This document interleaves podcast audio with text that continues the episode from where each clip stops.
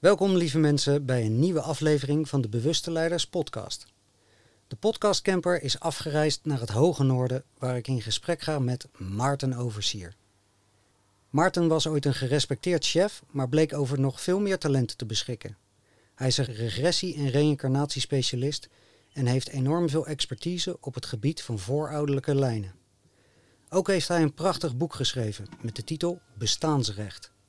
Ik ben benieuwd hoe Maarten tegen de huidige tijd aankijkt en zijn visie op wat er momenteel speelt allemaal.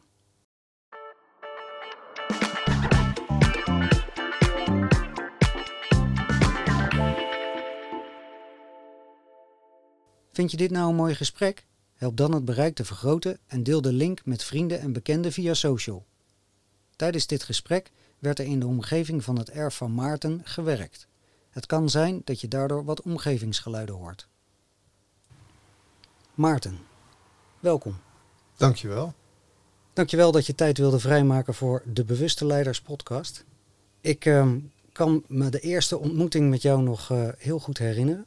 Dat was in de winter van 2021 in het Westland, waar jij de lezing De tranen van je voorouders gaf. En daar was ik toen zo onder de indruk van de verbanden en de koppelingen die jij legde met uh, de huidige trauma's uh, en, en, de zaken die er spelen. Uh, dat ik op mijn fietsje terugreed door de Miser. En ehm, dat, dat, dat vond ik super interessant. Ja, leuk. En jij legt verbanden tussen bepaalde oorzaken en um, hoe, hoe dingen zich aan elkaar gekoppeld zijn. Mm -hmm. Vanuit je werk. En in die presentatie komt dat heel erg naar voren. En er zaten echt een hoop eye-openers voor mij tussen. Dat ik dacht van, oh, daar moet ik meer van weten. Nou, ik heb me ingeschreven bij jou toen voor, uh, voor het jaartraject. Daarin geef jij een aantal mooie teachings, lessen, met verbinding naar de, je maakt de koppeling met de oerwijsheden van oervolken. En zoals ik het een beetje zie in de huidige tijd, in het Westen, zijn we daar volkomen van losgeslagen. Ja. Dat die verbinding compleet weg is. Ja. Hoe ben jij tot die wijsheid gekomen? En ja. hoe, hoe leg je die link met de huidige tijd? Dat is natuurlijk gelijk uh, een, een hele diepe grondvraag. Want die verbinding die zijn wij natuurlijk niet alleen in het Westen kwijtgeraakt. Maar ik zou bijna zeggen, daar waar wij van school en van huis af aan um, niks geleerd hebben over spiritualiteit. En over het feit dat we wel wat meer zijn dan alleen maar een lichaam met daarin alleen maar fysieke logica.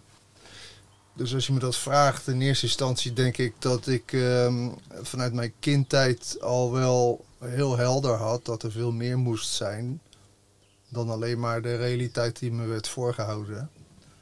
Alleen, um, ja, als je dan klein bent, dan ben je niet zo snel in een, in een, in een gelegenheid waarin je reflectie krijgt daarover. Dus dat zijn vaak uh, belevingen die in jezelf, als je niet oppast, een eigen leven gaan leiden. Um, omdat de wereld om je heen, die voor iedereen en voor een kind zeker natuurlijk een hele belangrijke referentie- en reflectiewereld is, over het algemeen afgestemd is op diezelfde, wat ik noem, in-the-box logica. Dus zo is het mij uh, ook vergaan. Alleen um, het is wel een eigen leven gaan leiden, maar op een manier waardoor dat ook echt wel naar buiten wilde komen later. En dat heb ik uh, wel gedaan. En ja, als je die waarde begint te beseffen, hè, dus dat wat buiten de box dan eigenlijk gewoon realiteit is. Nou, dan ontdek je vrij snel dat alles wat wij gewoon vinden in deze geconditioneerde wereld eigenlijk heel beperkt en gelimiteerd is. En dat dan de, de, de opvattingen en de bewegingen en de manier waarop dan zo'n leven ingericht wordt, echt een eigen leven gaat leiden, zonder mm-hmm. enige herziening. Met de desastreuze gevolgen van dien. Dus ja, ik ben mij gaan toeleggen op het werken met mensen. Want ik denk, nou ja, als er ergens antwoorden te vinden zijn. En als er ergens behoefte is aan um, het ophalen van oorzaak-gevolglijnen in, in trajecten die wij dan uh, ziek, zwak of misselijk noemen, probleem mm. veroorzaakt, veroorzakend. Nou ja, dan moet je met mensen zelf gaan werken. Nou, dat ben ik gaan doen. En dan ontvouwt zich natuurlijk een wereldbeeld wat zich door de tijd heen onwijs bevestigd heeft. Ja. Vanuit mijn praktijkervaring. Ja. Ja. Want jij werkt eigenlijk met het ongeziene. De dingen waar we ook vanuit huis uit vaak niet over praten. Er zijn maar weinig gezinnen waar er openlijk over een hoop ehm, ellende wordt gepraat. Mhm. Ik heb een keer een opmerking tegen jou gemaakt van... nou, ik vind het positief dat er een hoop mensen eh, eh, hun persoonlijke problemen aan gaan kijken. Dus waar lopen ze tegenaan? En daarmee aan de slag gaan. Toen was jij iets minder enthousiast. Je vond het wel mooi, maar de, de hoeveelheid voor het collectief om, om die switch te maken, eh, die zag jij nog niet helemaal eh, met de donkere wolken die, die er zeg maar, eh, met de krachten die nu spelen, laat ik het zo zeggen. Nou, zo, ja. Ja, ik weet niet precies meer wat ik zei en in welke context. Maar goed, laat ik zeggen van ehm, ehm, je problemen aankijken. Ja, precies. Weet je, wat ingebed is in de logica van, van mensen die zich verbonden hebben aan dat indoctrinatiesysteem. Houdt nou niet bepaald in dat ze snappen dat als ze ergens tegenaan lopen, een oorzakelijkheid herkent in hunzelf. En dan inderdaad op een diepere laag, we kunnen het het onderbewuste noemen. Mhm. Dus het is best wel lastig. En naarmate ik dit werk langer doe, moet ik mezelf steeds even een tik tegen mijn kop geven. Ehm, te beseffen dat, dat de wereld dus ingericht is, over het algemeen, op basis van de afwezigheid van die oorzaak-gevolglijnen. hè. We zijn geneigd gewoon alles te benaderen en te behandelen vanuit eh, de, de, de bestrijding van allerlei symptomen. Mhm. Zowel eh, lichamelijk als, als mentaal, of eh, spiritueel niet eens, want dat speelt vaak geen rol voor de geregelde situaties, gereguleerde situaties.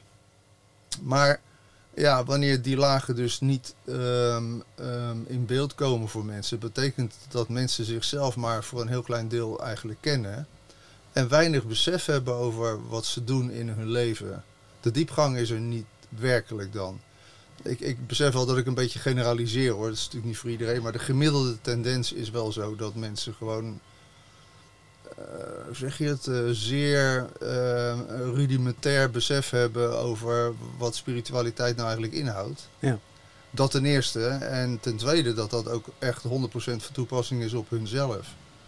En als wij op basis van die afwezigheid van besef een maatschappij inrichten met alle daarbij behorende regeltjes en wetgevingen en, en eh, weet ik veel wat er allemaal bedacht wordt.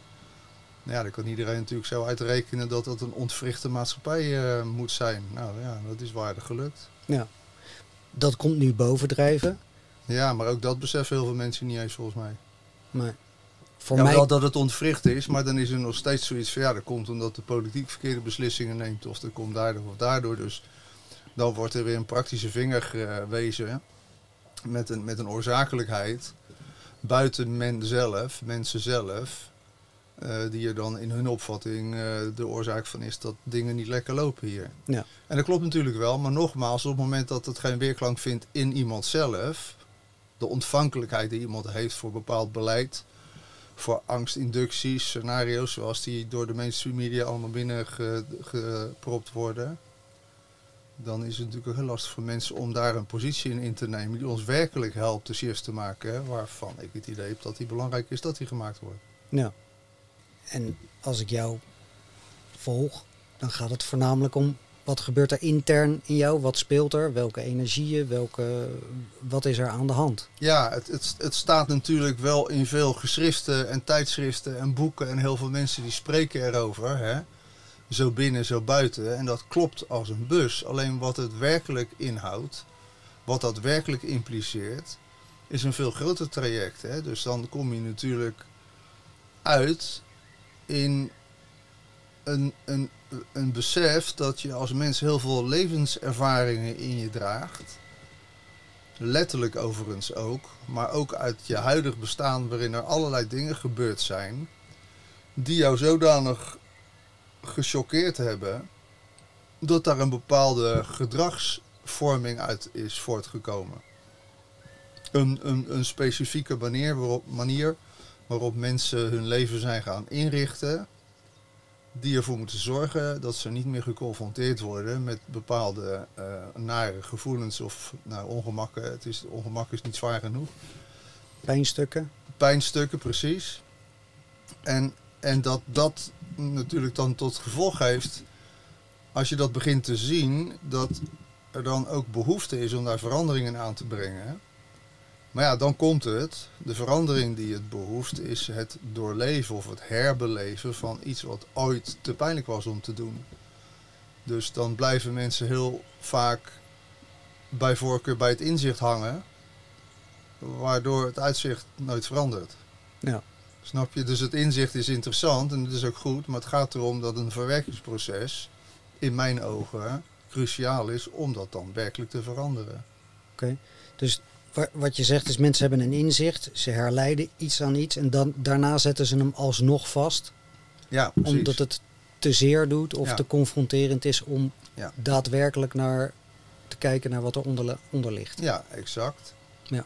Precies. En dan maakt het het. Want, want er, is, er is natuurlijk zoveel aanbod als het gaat over ziekte, ziekte, conflicten, stoornissen, of het nou mentaal of, of, of psychisch of emotioneel of fysiek is, het maakt allemaal niet zoveel uit. Er is ongelooflijk veel aanbod.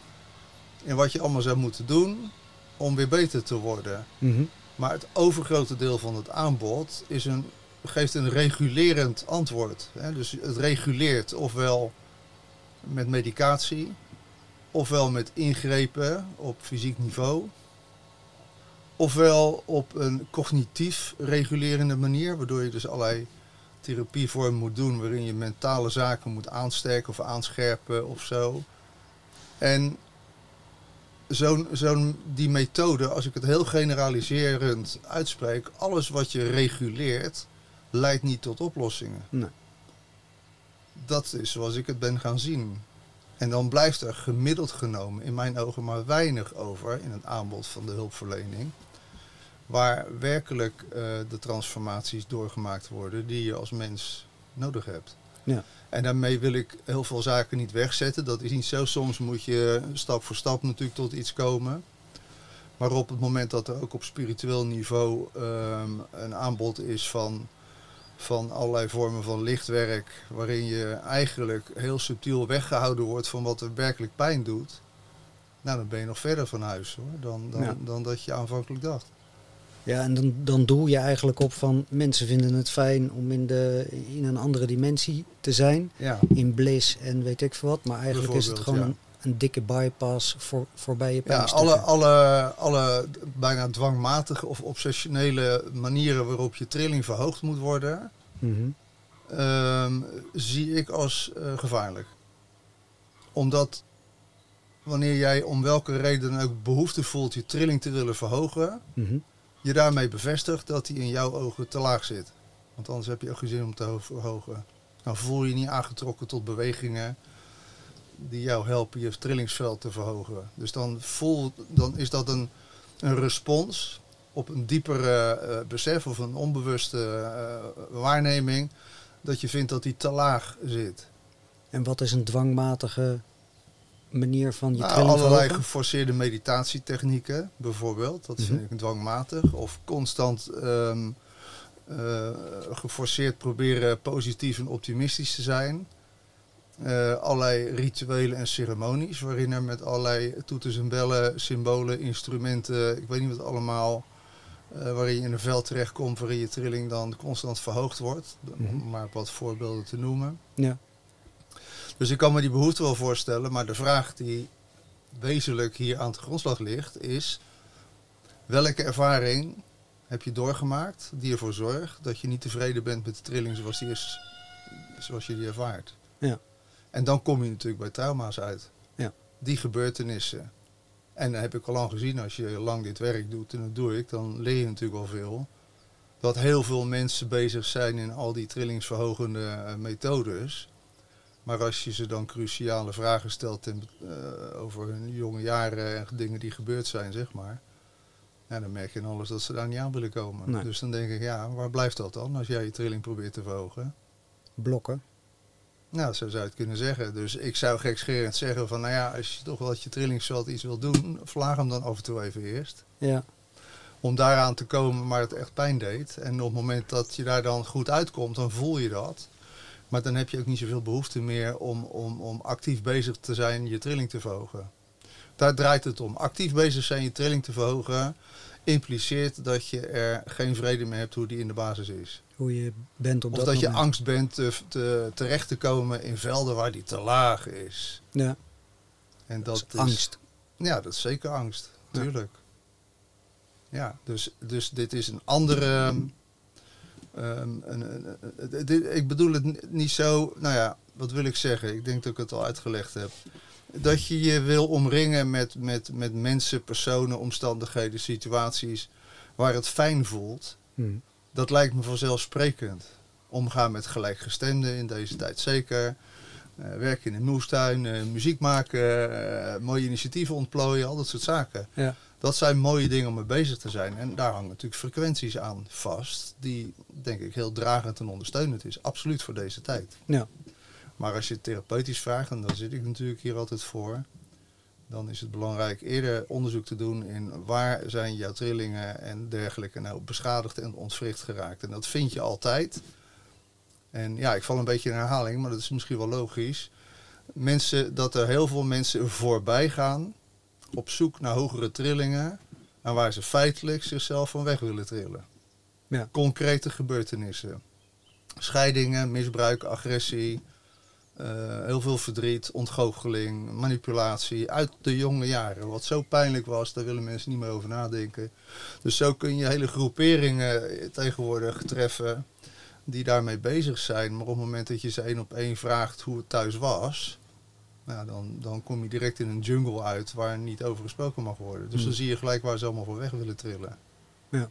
Dat is, dat is eigenlijk in de bottom line van wat ik wil, wat ik wil eh, zeggen. Ja. En is dat dan exemplarisch voor, voor de huidige tijd? Of, of is dat al eeuwen oud? Nou ja, kijk, ik weet het niet. ehm, wat ik te melden heb, ehm, is natuurlijk ook gebaseerd op het idee dat je al meerdere levens geleefd hebt. En door de tijd heen al heel lang bestaat in de geschiedenis, voor zover die opgetekend is. Maar goed, als je kijkt naar je huidig leven en je kijkt naar je vader en moeder, opa's en oma's en overgrootouders en het tijdsbeeld hier in Nederland zeker waar ze in terecht kwamen. Nou, dan was het in die tijd helemaal, eh, om, dan om je überhaupt bezig Nee. te hou- houden met innerlijk werk, met, met zelfbewustwording en al dat soort zaken, meer niet. Nee. Hè, want daar, de aardappelen moesten op tafel s'avonds. En goed zijn voor en, de Heer. En er moest gewerkt worden en goed zijn voor de Heer. En dat was het. Ja. Met andere woorden, zelfreflectie en spiritualiteit is daar natuurlijk een ondergeschoven kindje geweest sowieso.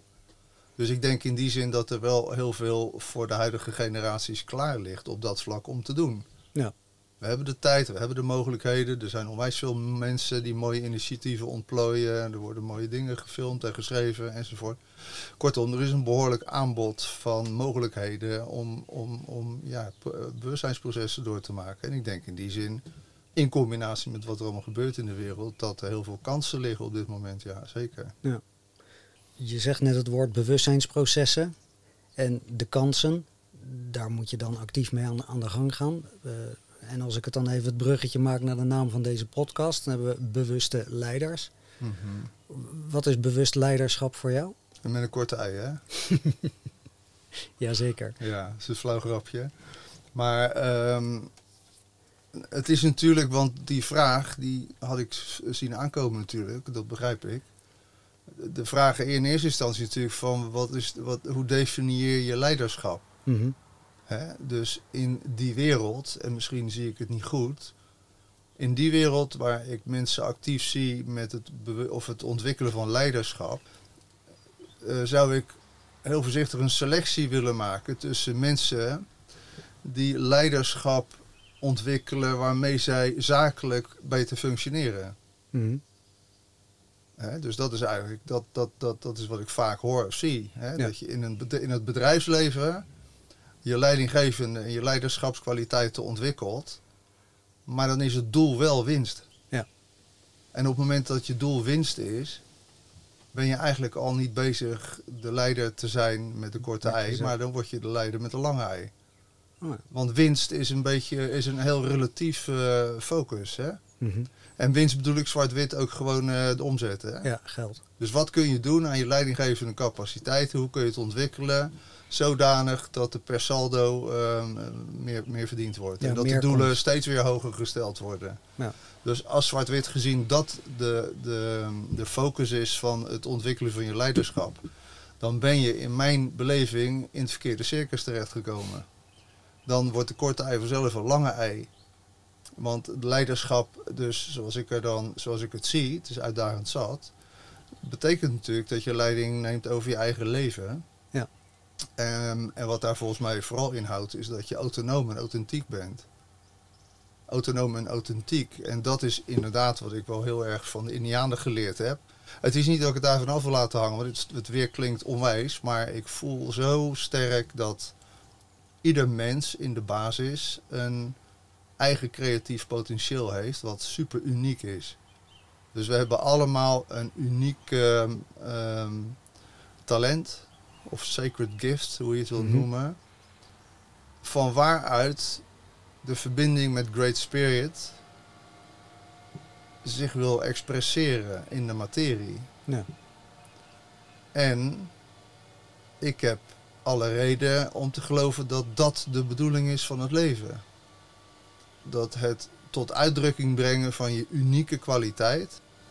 Voor de een is dat ehm, eh, zang, en de andere poëzie, en de ander maakt mensen aan het lachen.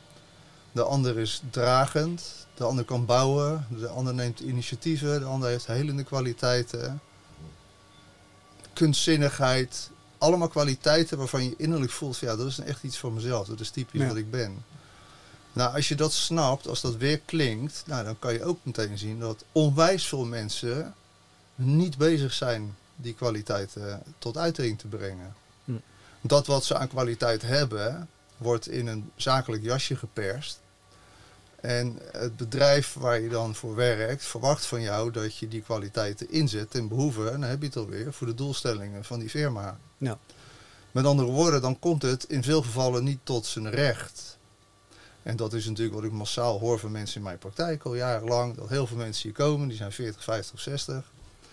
En in de kern is hun conflict dan natuurlijk ook dat ze wel werken en doen en bezig zijn, maar dat ze niet het gevoel hebben dat het ze bevredigt op de een of andere manier. Waardoor je op een gegeven moment ook gaat ontwrichten. Dus het terugkomen ehm, op een spoor waarin je voelt weer helemaal dat te doen wat Spirit voor jou als het ware bedacht heeft, is de bedoeling, volgens mij. Maar aangezien heel veel mensen hun leven hebben ingericht op basis van dat andere concept, betekent het dat ze nu met name natuurlijk grote beslissingen zullen moeten nemen. Omdat zij dat, dat veld waarin ze op die manier dus bezig zijn, zullen moeten verlaten. Omdat het niet meer aansluit bij hun zielsbehoeften. Nee. Nou, wat houdt dat in? Mensen zullen moeten verhuizen. Mensen zullen het moeten stellen met eh, misschien een ontslag. Of eh, weet ik veel wat voor omzienomstandigheden er kunnen komen. Die dan aanvankelijk schokkend lijken, maar uiteindelijk tot doel hebben om jezelf weer terug te brengen op het originele spoor. Ja. En als je dan praat over leiderschap, dan heb ik zelf het idee dat dat de grootste uitdaging is. Dat je weer de, de, de hoeder wordt van je eigen talent. Met de daarbij behorende manier waarop je je leven inricht en vormgeeft. En, en die hoeder te worden, om, om jouw sacred gifts goed mogelijk tot expressie te brengen, zou voor mij leiderschap eh, betekenen. Ja, echt, dat is het ultieme persoonlijk leiderschap dan. Authentiek Ja. en vanuit je ziel, vanuit spirit, Precies. zoals jij Ja, doen wat je, wat je Ja. authentieke zelf zich ingeeft. zeker. En, en, en als je voelt dat je op dat pad zit, dan kan ik me voorstellen dat je daar vandaan aansluiting gaat zoeken bij het bedrijfsleven. Maar dan wordt het wel een bedrijfsleven wat ingericht moet zijn op basis van dit besef. Ja. Terwijl het bedrijfsleven zoals wij het kennen, over het algemeen ingericht is door belangenverstrengelingen, eh, onder invloed van banken, farmaciekartels, ehm, ehm, Aandeelhouders. aandeelhouders, multinationals. Dat, dat hele systeem heeft eigenlijk door de tijd heen al ons goddelijk potentieel naar zich toegezogen. Heeft er een gigantisch eh, eh, voorwaardelijk eh, veld omheen gecreëerd. Waardoor mensen ook bang worden daar weer uit te stappen op het moment dat ze eigenlijk willen doen wat ze werkelijk willen doen. En die wereld staat gewoon op instorten. Daar zitten we nu middenin. Ja. Dus dat heet dan crisis. En dat snap ik heel goed. Want het gaat ons allemaal wel meer of minder eh, raken. Maar ik voel van binnen ook dat het een must is. Het is ook nodig dat deze reset, niet de Great Reset van eh, meneer Schwab, maar dat, dat deze reset moet plaatsvinden om ons in dit leven en anders een van de opvolgende levens ehm, weer terug te brengen in die, in die oerwaarden, die grondwaarden. En wat we nu kunnen doen als we zelf niet meer zover komen, of in ieder geval dat niet vol gas meer mee gaan maken, is in ieder geval het goede voorbeeld geven voor de nieuwe generaties. Want die worden deze tijd meer dan ooit op de proef gesteld. Ja. ja, zonder dat ze het zelf door hadden, mochten ze niet naar school. Of weet ik, en dan weet ik niet of school überhaupt de beste eh, plek is. Maar in ieder geval, ze werden uit hun sociale contacten eh, Ja. gehaald, zeg maar. Nou zeker, ik heb eh, net als jij geloof ik ook vier kinderen. Ja, Dus dan, dan leer je natuurlijk ook, eh, zeker als je dan ook nog dit werk doet, dan leer je natuurlijk heel goed zien wat een schoolsysteem met kinderen doet. En hadden wij onze kinderen ook nog op de vrijschool zitten, om, Mhm. om in, in de hoop dat daar nog een behoorlijke bewuste golf doorheen zou gaan. Hetgeen tot op zekere hoogte wel het geval is, maar ook daar staan ze natuurlijk onder druk van, de- van, de, van de overheid. Ja. Maar goed, als je daar gewoon naar kijkt, dan de naakte waarheid is natuurlijk dat het schoolsysteem in algemene zin ervoor bedoeld is om jonge mensen al zo snel mogelijk in een perceptie te proppen. Die, ehm, die het beeld opwerpt dat het normaal is dat je zo'n lucratieve positie in leert nemen in de wereld. Voor de multicorporaties en zo. Ja. Ofwel, ze krijgen een totale verdrongen ehm, eh, manier van de werkelijkheid eh, gepresenteerd. Op jonge leeftijd al. En ehm, ja, dan is het heel lastig. Daarmee is het als ouder, als je een beetje bewust bent en anders naar de wereld kijkt, al onwijs moeilijk en een uitdaging om met, in verbinding te blijven met je kinderen. Want Ja. ze horen aan de ene kant soms het tegenovergestelde als wat ze thuis horen. En eh, ja, dat, ehm, en dat, dat draait heel lastig bij. Zeker nu met de introductie van de smartphone en de tablets. en de tablets is er een totale andere autoriteit in de werkelijkheid van die kinderen binnengesluist. Ja. Waardoor de, de, de ouderlijke autoriteit, en dan bedoel ik met autoriteit gewoon het schone woord, hè, je hebt als ouders gewoon een autoriteit, Mhm. ehm, volledig in het slop is geraakt. Heb je daar eh, tips en tricks voor? Hoe, hoe, hoe je dat bijvoorbeeld met je eigen kinderen hebt, hebt gedaan? Ik ben Ja. bij jou binnen geweest, daar hangt geen televisie aan de muur. Nee, maar we hebben wel een tv hoor. nee, nee, zeker. Dat is natuurlijk ook eh, bij ons eh, onwijs de uitdaging. Kijk, laat ik zo zeggen, waar, waar ik vooral mijn kinderen wel mee lastig gevallen heb, eh, is in ieder geval een hele andere verhaal dan wat zij op school horen. Ja. En dan hoop ik natuurlijk dat ik dat verhaal zodanig heb laten lekken in, in, in het ouderlijk huis, dat ze dat binnen hebben gekregen.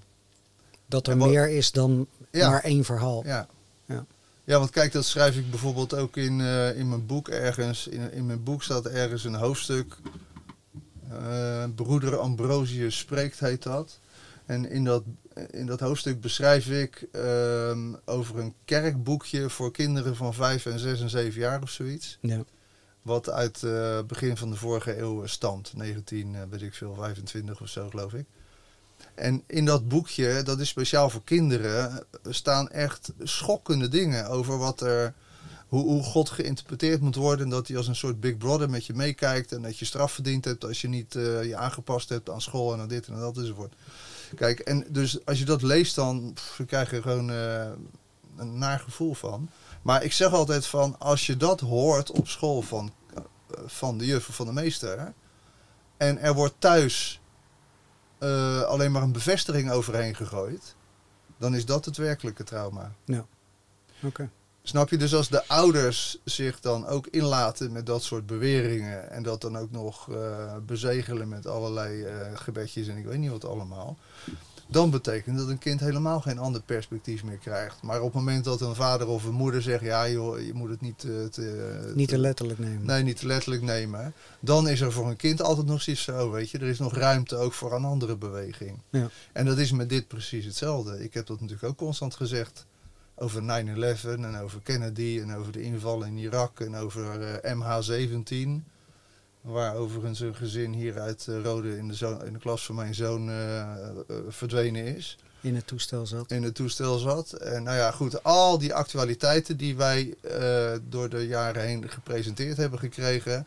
De onschuld van fluor bijvoorbeeld. Mhm. En al dat soort zaken. Ik heb altijd tegengeluid laten horen. En Ja. het is niet makkelijk hoor. Nee. Ook naar je eigen kinderen werd ik wel aangekeken als de lastige zeikert en zo. En ik heb toch iets in mezelf van, nou ja, je hebt tenminste wat anders gehoord. En Nou, kijk maar wat je ermee doet. Dus dat is denk ik dan nog eh, het beste wat ik eh, heb eh, kunnen doen. En ja, soms heb ik te veel gezegd, soms te weinig. Maar ik Ja. ben in ieder, in ieder geval blij dat ik dat tegengeluid gegeven heb. In ieder geval, ja. ehm, want dan gaat het voornamelijk om perceptie. Mhm. Hoe kijk, je naar, hoe kijk je tegen iets aan? En vanuit de media of de boeken of de overheid krijgen we één verhaal gepresenteerd. Ja, En als papa en mama, als dat het verhaal is, als de, het acht uur journaal de waarheid is, en er is geen ruimte om iets vanuit een ander perspectief te bekijken. Dat hebben we de afgelopen twee jaar natuurlijk enorm gezien met, met de Ja. aanpak van COVID. Eh, Mhm. de een zag het zo, de ander zag het zo. Daardoor kreeg je enorme dualiteit en polariteit. Eh, ja, dat Ja. clasht dan. Dat is dan wat groter dan alleen thuis met je kinderen. Maar dat is eigenlijk het, ja, precies hetzelfde spelletje. Ja, want het is natuurlijk voor mij wel duidelijk geworden. Weet je, kijk, dat, ik noemde net al ouders en opa's en oma's enzovoort. Maar meer nog dan in deze tijd was het voor hun in die generaties vanzelfsprekend dat als jij, als jij levensvragen hebt, of conflicten, of fysieke of mentale of psychische problemen, of ik weet niet wat je allemaal hebt, dat het antwoord per definitie bij iemand buiten jezelf moest gehaald worden. Bij meneer Pastoor Meneer of Pastoor, dominee. of de dokter, of de politieman, of de minister, of een autoriteit, zeg maar. Gewoon als een, als een verzamelnaam. Dus het was gebruikelijk voor die mensen dat je, nou ja, nogmaals, met, met, met- met levensvragen bij iemand te raden ging, nou ja, die buiten jezelf lag. Ja. En dat is een fenomeen. Veel mensen die zien dat niet als een fenomeen, maar het is echt een absoluut fenomeen. Veel mensen zeggen, ja, over leiders gesproken. Ze zeggen, ja, is er, altijd, er zijn toch altijd leiders geweest. We hebben leiders nodig. Mhm. Dat wordt gezegd. Ja. Dat sluit ook mooi aan bij de titel van je podcast. Ik denk, ja, hoezo dan? Waar is de leider in jezelf dan?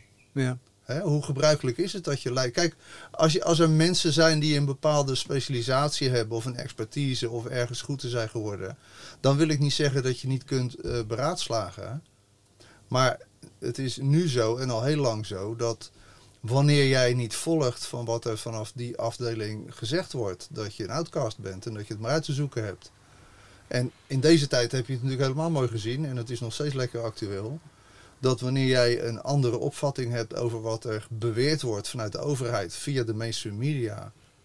En dan gebeurt er ongeveer hetzelfde als dat jij honderd jaar geleden vertelde dat je niet in God geloofde. Ja. Dan lig je er gewoon uit. Uit de gemeenschap. Dan word je gedemoniseerd. Ja. Dan denk je, ja, mensen wordt wakker. Zie dat even. ja. Dat is exact hetzelfde concept, maar dan in een nieuw jasje. Ja. Aangepast aan de huidige tijd. Kom je op de brandstapel. Ja, te brandstapel nou toen niet meer, denk ik. Maar Nee, aanvankelijk maar- wel. Honderden Maar anders- jaren geleden. Ja, zeker. En, en, en, en trouwens, zo lang geleden is het nog niet eens. Ik bedoel, als jij zwanger werd terwijl je nog niet getrouwd was, dan was je al de sjaak. En dat zijn wij vaak al, hè? Naar, naar onze ouders toe. Of, of allerlei van die, van die represailles als je niet volgens het boekje ehm, handelde. Nee. En dus het betekent dat wij al veel, veelal ouders hebben, voorouders, die onder invloed van het toenmalig indoctrinatieverhaal ehm, fundamenteel ge, gedissocieerd zijn geraakt van wat het leven feitelijk inhoudt. Ja. Hè, dus, dus onder het juk van, angst voor, eh, pas op, kijk uit, eh, kom maar met die prik, doe maar zus, doe maar zo, weet je zo. Mhm. Dus dat betekent dat jij en ik en heel veel andere mensen eigenlijk ook niet echt de authenticiteit van je vader en moeder hebben beleefd. Hè, je kan het wel voelen als je wat dieper voelt, dat is ook heel emotioneel. Maar in, in heel veel gevallen hebben we die voorouders leren kennen vanuit het stuk waarin ze zelf super geprogrammeerd zijn geraakt door, nou ja, door de spanningsvelden en de autoriteiten buiten hun om. En ja, dat is super eh, actueel op dit moment weer. Ja. En ik zie het, zoals ik al zei, als zeer ongebruikelijk dat je voor al die wezenlijke vragen te raden gaat bij iemand buiten jezelf. Dus wat hebben we dan te doen? Nou ja, eh, de herverbinding te maken met de delen in onszelf die we kwijt zijn geraakt. Onder eh, invloed van trauma. Ja. Eh, zodat je weer heel kunt worden. Procesmatig, voor mijn part. Ja. En de leider in jezelf weer de basis gaat vormen, vormen voor, voor, eh, voor je bestaan. Zodat je bij jezelf te raden gaat. Die uitspraak wat wij vaak gehoord hebben is van je moet eerst goed nadenken voordat je wat doet. Die klopt ook fundamenteel niet. Nee? Je moet niet eerst nadenken. Je moet eerst voelen van Ja, binnen voelen. Ja. of het hout snijdt voor je. Of het goed voelt, daar draait het om. En vervolgens ga je daar je gedachten op aanpassen en neem je een besluit. Ja. Met andere woorden, die ratio, die ratio, dat hele mentale veld, is zo ongelooflijk uitgeknepen dat we daar onze hele hebben en houden op baseren. En moest kijken wat een pleurenzootje het geworden is. Door alle wandelende hoofden. Ja, precies. Die ons allerlei oplossingen aandragen. Terwijl iedereen natuurlijk aan zijn water aanvoelt dat iedere oplossing binnen korte tijd alweer tien problemen gaat veroorzaken. Waar vervolgens weer een oplossing voor gezorgd, eh, gevonden moet worden. Hè? Ja. Waar weer een ministerie voor in het leven wordt geroepen. En een minister. en behandelplannen. En een wet. En een regel. En een hele rotzooi. En we worden gewoon overladen. Met een jungle aan voorwaarden. En, en, en kromme logica. Waardoor natuurlijk iedereen van binnen denkt van... Wat is dit joh? Ja. Dit klopt helemaal geen flikker meer van. En groter en logger en rupsje nooit Ja. genoeg. En het kost nog meer geld. Nou ja, en precies. Dat voelt denk ik iedereen wel aan. Het is alleen wel bijzonder dat de wereld over het algemeen eh, geregeerd wordt door personen die behoorlijk psychopathische gedragsstructuren, patronen hebben. Dus die denken nog eens een keer 2.0 op de manier die ik net al gekscherend uiteenzette. Die weten, die hebben geen ander perspectief. Die, die hebben geen reflectie op een ander ding dan op die manier te, te acteren. Ja. Dus die trekken dan ook nog een keer de kar daarvoor. Die, die hebben de, de, de, de, hoe heet het, de mainstream media ook echt in bezit. Het is gewoon eigendom. En ondertussen baseert menigeen zijn wereldbeeld op wat het mainstream media je huiskamer inkakt. Zonder daar besef over te hebben. Ik denk altijd, als je daar geen besef over hebt, dan heb je de autoriteit van je vader en moeder Nee. dus gemist. Want die Ja. deden dat ook niet. Nee, precies. Als het een witte jas aan had en, en een uilenbrilletje, dan had hij gelijk. Volgens die mensen toen. Ja. Dan was het een dokter. Ja. Nou ja, goed. Dus dat, dat, dat autoriteitsconflict volledig vastloopt in jezelf. We niet autonoom meer kunnen zijn. En dus in die zin geen leiding meer over ons eigen leven kunnen nemen. Gaat van kwaad tot erger. En we zitten natuurlijk noodgedwongen. Zijn we een beetje als de bizons eh, de ravijn ingejaagd. Mhm. Hè, zo de bizons zoals dat vroeger ging. Zijn we de ravijn ingejaagd. En we staan nu een beetje op de afgrond. Maar die val die zullen we wel moeten maken. Hè? En laten we maar eh, metaforisch eh, bekijken. hè. Hè, iedereen die gaat op een bepaalde manier terechtkomen. Maar die zullen we moeten maken om op een gegeven moment op te krabbelen. Ja. Even te kijken wie er allemaal nog meer is. En vervolgens de koppen bij elkaar te steken. Van waaruit we een totaal nieuwe richting in zullen stappen. En een nieuwe wereld Nieuwe gaan realiteit. inrichten. Ja, Ja. dat begint nu natuurlijk al. Met laten we zeggen maar parallele werelden die eh, opgezet worden enzovoort. Ja. Maar er is geen ontkomen aan volgens mij. En het is natuurlijk een, een confronterend besef. Maar op een diepere laag voel ik ook wel dat het een soort logisch is. Maar als het systeem gaat, dan, ga- dan, dan gaat het goed. En dus, als ik jou zo goed begrijp, dan is dat eh, Nou, niet te vermijden. Niet, eh, Ik kan het gewoon vergelijken met het werk wat ik doe. En dat vind ik zelf wel prettig. Want als je in de praktijk werkt, dan werk je één op één hè, met Mhm. individuen die ergens tegenaan zijn gelopen. En dan zie je hetzelfde principe actief zijn. Dat betekent dus waar ze tegenaan gelopen zijn, waar ze in vastlopen zoals het heet, voortkomt uit, uit angstscenario's die ze eerder hebben opgelopen. Die een hele vertroebelde en ontwrichte manier van kijken op zaken geeft. Waardoor mensen nou, letterlijk vastlopen met allerlei klachten en patronen en toestanden. En waar de therapie uit bestaat. In feite wat ik doe, is dat ik ze terugduw in waar het ooit misgegaan is. mhm. Zodat ze de pijn ervan kunnen herbeleven en in een bepaald perspectief kunnen gaan zien van oh, wat er toen actueel was. Ik ben eigenlijk nog steeds bezig te voorkomen dat het weer misgaat. Maar door dat zo obsessief soms te doen, zijn mensen geneigd zichzelf weer in de nesten te werken. En dat inzicht en dat herverbinden met die oude pijn, zullen we maar zeggen, is tegelijkertijd de, de, de opening naar wat nieuws. Dus dat gebeurt op individueel niveau. En ik denk dat dat dan dus op, op globaal Collectief. niveau net zo goed Ja, gebeurt. ja. We worden zo keihard geconfronteerd met daar waar we onszelf weggegeven hebben. Ja, dus we hebben eigenlijk te doen van hetgene waar we van weg willen. Ja, precies. En niet eh, op wereldniveau, pak je eigen stukje maar, dat is wel lastig zat. Als Ja. iedereen gewoon zijn eigen traject loopt, Eigen ownership over zijn eigen shit. ja, en zijn, en zijn, en zijn eigen geschiedenis eh, leert opschonen, hè. leert heroverwegen, hè. Mhm. de verbinding te maken met je ouders of met je voorouders, daar waar ze scheef gegroeid zijn. Waardoor, zoals ik dat altijd noemde, bedrading weer eh, intact eh, komt met je voorouderlijke lijnen. De levenskracht daardoor weer kan gaan doorstromen. Dan is het gevolg automatisch dat mensen heel anders in hun leven gaan staan. Die gaan een andere positie nemen, die maken belangrijke besluiten enzovoort. En daarvanuit wordt een nieuwe wereld geweven. Maar dat is leiderschap vanuit jezelf in plaats van dat je een ander volgt, volg je dan je eigen intuïtie Ja, en je eigen, je eigen pad. Ja, een ander volgen eh, is eigenlijk waanzin. Hè, een ander volgen. Kijk, je kunt een ander volgen, maar als je die volgt, is het wel belangrijk dat je er besef over hebt dat je daar een bewuste keuze in gemaakt hebt. En dat je dat doet zonder dat je jezelf weggeeft. Ja. Maar degene die je dan volgt, heb je van binnenuit gevoelsmatig ook al beoordeeld. Want daarvan voel je, nou, dat is veilig, dat is goed. Ik krijg hier even een aanreiking. En dat is ook zo, want jouw medicijn is niet mijn medicijn en vice versa. Met medicijn bedoel ik dus dat oertalent. Hè? Ja. Dus ja, jij kan op bepaalde momenten iets voor mij betekenen en ik kan voor jou iets betekenen. Dat moet een vruchtbare samenwerking zijn. Maar op het moment dat ik vraag van, hey, zou jij even mij eh, eens even mee willen kijken of wat dan ook, dan geef ik niet mijn autoriteit uit handen. Mhm. Dat is het verschil. Terwijl als jij zegt, hey, ik kan dat beter dan jij, je moet het op mijn manier doen, eh, kost 100 euro, dan, dan had ik van binnen al moeten voelen, ja, wacht even, op die manier zijn we Nee. niet getrouwd. Dat Nee. werkt niet. Dus die switch, daar zitten we heel erg in. En inderdaad, dat is leiderschap, maar ik weet niet hoe jij het zelf ervaart, maar weet je, mensen worden altijd blij als ze van binnen voelen dat er het vooruitzicht in de toekomst is, dat ze weer vanuit hun eigen waarheid in het leven staan. Ja. En dat is ook normaal. Dat is ook gezond. Dat is helemaal, eh, hoe zeg je dat, eh, conform eh scheppings-natuurwetten, zeg Ja. maar. Dus Ja. ik denk dat we er allemaal naar verlangen. Ja, precies. Nou, en dan hoeft eh, een ander volgen, dat kan de overheid zijn, maar dat kan ook bijvoorbeeld eh, naar de eh, regels van je eigen ouders leven. En dan maakt het dus niet uit of je nou 20, 40 of 60 bent.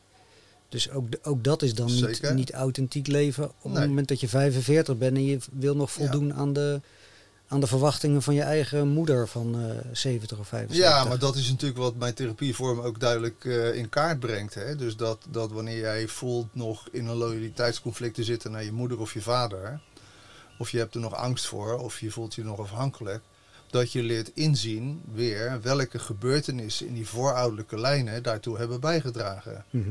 Waardoor je ineens begint te begrijpen, oh wacht even, dus mijn moeder die voelde zich, zolang ik er was, niet eenzaam. Omdat ze toen ze zelf klein was, een, een zusje verloor, ik zeg maar wat. Ja. Dus daarom houdt ze mij altijd zo dwangmatig vast. Maar het is niet mijn moeder, het is eigenlijk die gebeurtenis die er aan de grondslag ligt. Ik geef maar een voorbeeld. Maar die zijn er altijd die vinden, te vinden. En op het moment dat mensen daar inzicht in beginnen te krijgen, hè, is het gevolg direct dat ze veel beter snappen waarom dingen gaan zoals ze gaan. Waardoor het zichzelf direct wijzigt. Dus moeten we na deze podcast dan allemaal al mas eh, richting een therapeut rennen? Of Dan zouden we natuurlijk in dezelfde valkuil eh, stappen. ja, Hè? Dan, dan zou dus weer de, de autoriteit buiten jezelf die therapeut zijn. En ik Ja. heet wel een therapeut, maar je faciliteert. ja, plus dat de therapievorm natuurlijk onwijs inhoudt direct een beroep te doen op de eigen verantwoordelijkheid van de cliënt. Hè? Dus, dus met andere woorden ben ik een functionele spiegel, zo zeg ik het altijd. Ik zal nooit voorwaarden scheppen. En dat is iets heel anders dan dat je iets moet volgen. Een bepaalde doctrine volgen, een bepaald programma volgen. eh, dat mits je niet dit of dat, dan is dat het gevolg. Dat, dat klopt per definitie niet. Want Dus- dat is dus- niet eigen. Iedere, iedere leraar die zal jou direct attenderen op de leraar in jezelf. Mhm. En dan kan je een tijdje oplopen met een leraar, want die hebben natuurlijk ook een functie, een mentor of een leraar of zoiets. Dat heb ik zelf ook gehad en nu ben ik het weer voor andere mensen. Ja. Maar die andere mensen hier gaan het ook weer voor andere mensen zijn. Maar zodra er afhankelijkheidssystemen komen, voorwaardelijkheid, dan ga je mis. Ja. Nou, als je dat snel in het snotje hebt, dan, dan kan je ook selectief worden in wie voor jou goed voelt en wie niet. Nou, ik denk dat de meeste mensen dat wel kennen. Maar dat is wel voelen. Ja, absoluut. Want je, had, je zei er straks, dat voel je aan je water en je onderbuik. ja. En we schieten heel snel naar het hoofd, omdat we het Mm. allemaal willen rationaliseren. ja, maar goed, als je dat doet, als dat nog te veel je leidraad is, dan ga je dus vastlopen en dan krijg je problemen. Dan ga, en daarvoor zijn die problemen ook bedoeld. Die problemen zijn ervoor bedoeld uiteindelijk om jezelf even wakker te schudden. hè. En, en dan zijn het meer symptomen, die, die, die, die, die problemen, van onverwerkte situaties van het verleden. Of koppelingen die niet kloppen, of relaties die niet in orde zijn. Mhm.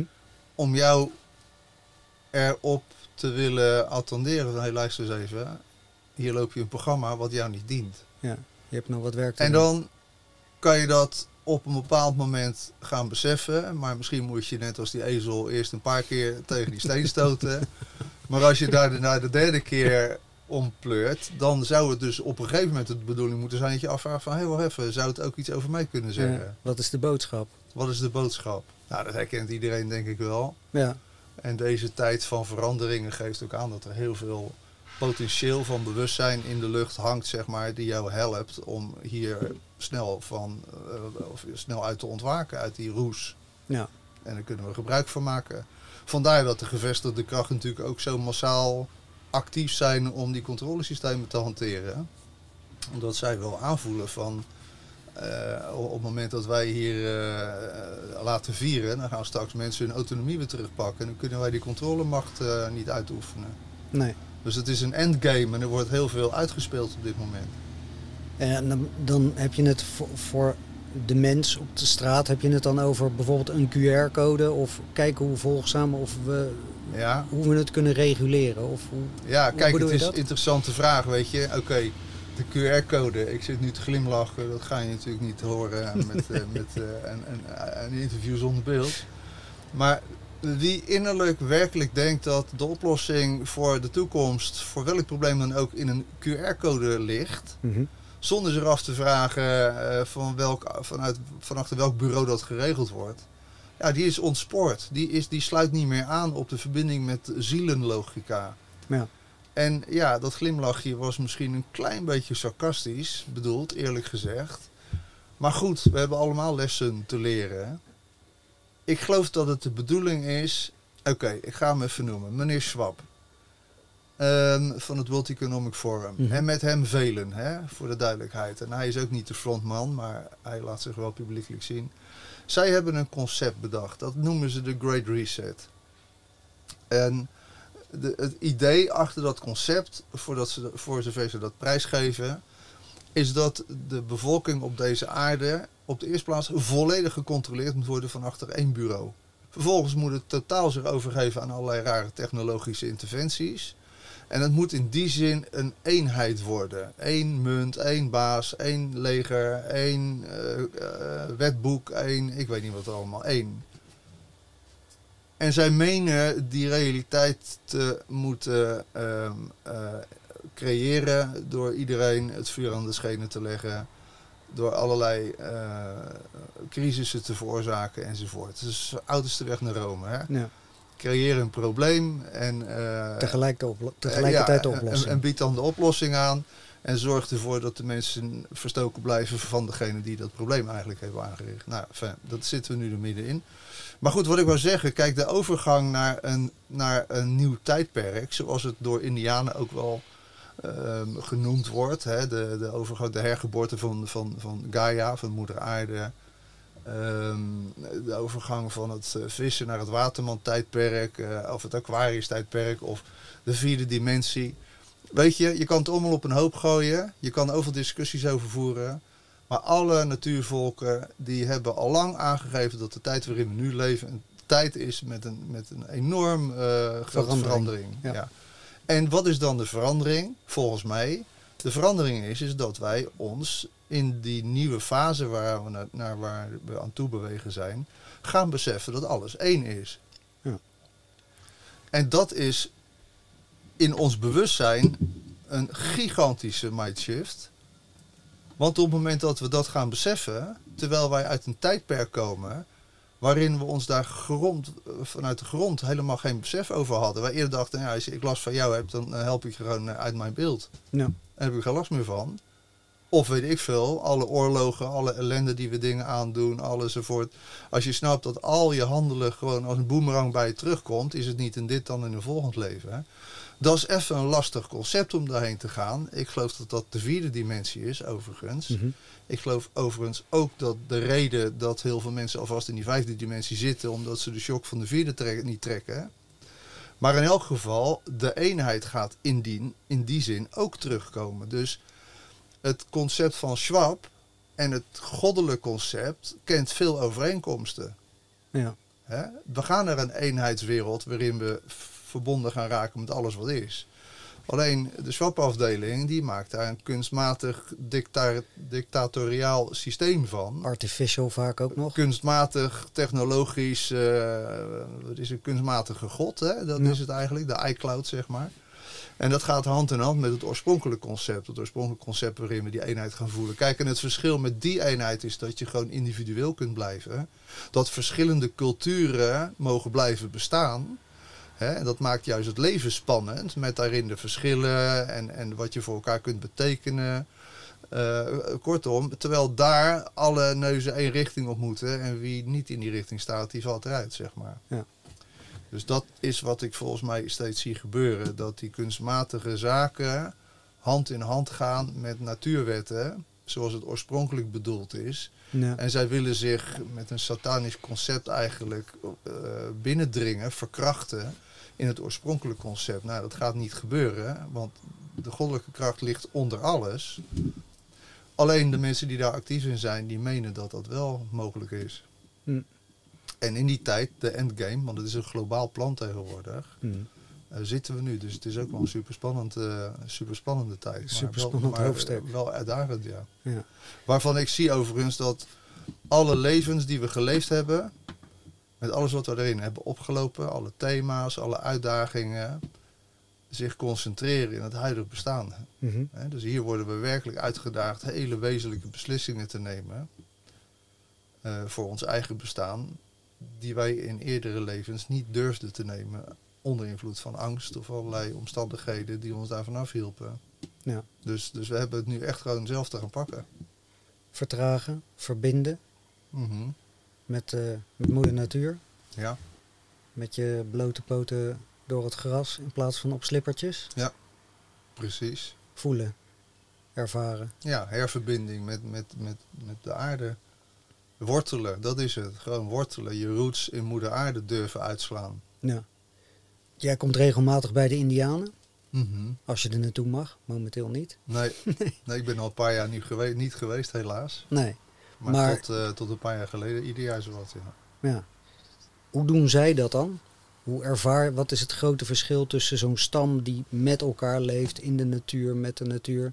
En die zijn natuurlijk ook redelijk verwesterd. Nou, dat is ook zeker zo hoor. Want eh, kijk, eh, je kunt eh, het begrip Indianen of inheemse niet, niet onder één paraplu zetten. Ehm, want die stammen waar ik kom, dat zijn de Irokezen in Canada. En ik heb ook wel veel gewerkt en gereisd naar Noord-Amerika. Maar die stammen zijn over het algemeen de, de, de, de, natuurvolken die het meest onderdrukt zijn door kerk en overheid. Ehm, en die onderdrukking, die traumatisering die dat teweeg brengt, heeft er ook voor gezorgd dat in de nu, nu levende generaties heel veel traumatiek opgesloten zit. Wat ervoor zorgt dat zij hun oorspronkelijke leefwijze ook nauwelijks meer tot expressie kunnen brengen. Nou, Die kennis is er nog steeds bij een aantal groeperingen die dat in leven wisten te houden door de tijd heen. Maar eh, het geromantiseerde plaatje, wat veel mensen hebben over hoe, hoe het daar is, dat klopt niet. Nee. Ehm, echt. Het Nee. is natuurlijk wel zo dat, zoals ik al zei, ik veel traditionele mensen gelukkig heb leren kennen. En het is ook een hele eer om met die mensen te zijn en op te trekken en, en uit te wisselen en ik weet niet wat allemaal. En dan zie je nog wel wat die grondwaarden zijn. En dat ze dus die, die overgeleverde wijsheid van gener- generatie op generatie, eh, dat die ze eigenlijk door de tijd heen trekt tot aan een moment waarin dat weer tot expressie eh, kan komen. ja. Ja, maar goed, er zit, er zit zoveel wijsheid opgeslagen in die culturen. dat ik zelfs geloof dat, dat die wijsheid eh, voor, voor de ontspoorde gemiddelde westerling, eh, nou ja, ik, ik wou zeggen de nieuwe Bijbel zou moeten worden, Mhm. maar dan wil ik dat even ontdoen van, eh, van doctrines. Hè, maar zoveel grondwaarden, zoveel oerwijsheid, gewoon over. Eh, ze, noemen, ze noemen het zelf ook dat ze de, de hoeders zijn van de oorspronkelijke richtlijnen hoe hier op moeder aarde te leven. Nou ja, die hebben we gewoon nauwelijks meer. Nee. Terwijl dat voor iedereen van toepassing is. Een, universeel, een universele bergwijsheid, zeg maar. Ja. En dat is er gelukkig nog wel. Nou, want zij leven met, met moeder aarde en de, de resources die, die het biedt. Nou, het is in ieder geval de bedoeling dat, dat, dat er zo geleefd wordt en zo werd er geleefd. Maar om je een voorbeeld te noemen, wat je in al die inheemse culturen natuurlijk hoort, bijvoorbeeld over onze voorouders, Mhm. hoe wezenlijk belangrijk het is ze te kennen. En niet precies hoe ze dan heten, ja, is ook handig. Eh, hoe- te kennen betekent wie zij waren op zielsniveau en voor welke uitdagingen zij gesteld stonden in hun leven, de levenservaring die zij doormaakten, van cruciaal belang is voor ons, de nazaten, om daar kennis van te hebben. Omdat wij, en dat is ook een logica, in familiesystemen terechtkomen waarin voorouders bepaalde gebeurtenissen doormaakten, opdat wij er ons profijt uit kunnen halen. Ja. Hè, dus als grootvader of grootmoeder een besluit nam wat, wat verkeerd afliep, dan betekent het dat het bewustzijn van die grootvader het potentieel draagt te weten welke beslissing je beste wel kan nemen als het erop aankomt. En op basis van die logica incarneren wij in familiesystemen. Maar op het moment dat je opa of oma niet kent, dat je ontkoppeld bent van die waarden en, en, en, de, en de wijsheid van wat zij hebben beleefd, ja, dan hebben wij als nieuwe generatie steeds weer het, nieuw uit te, het wiel opnieuw uit te vinden. En dan moet je eerst uitvissen welk thema nou eigenlijk actief is. Nou, sterker nog, je, je gaat gewoon zien dat waar jij tegenaan loopt in je huidig leven, exact dezelfde thema's zijn als die eh, opa en je oma of weet ik wat eh, meemaakten. Maar de meeste mensen beseffen zich helemaal niet dat dat zo is. Nee. Die komen daar achter in een therapeutisch traject, voor godverdorie zeg. Dus eigenlijk zat hij in dat tijdsbeeld precies met dezelfde dingen te tobben als ik nu. En op het moment dat dat besef komt, kun je vanuit dat besef een verbinding maken met opa, die al lang dood is, maar op een diepere laag.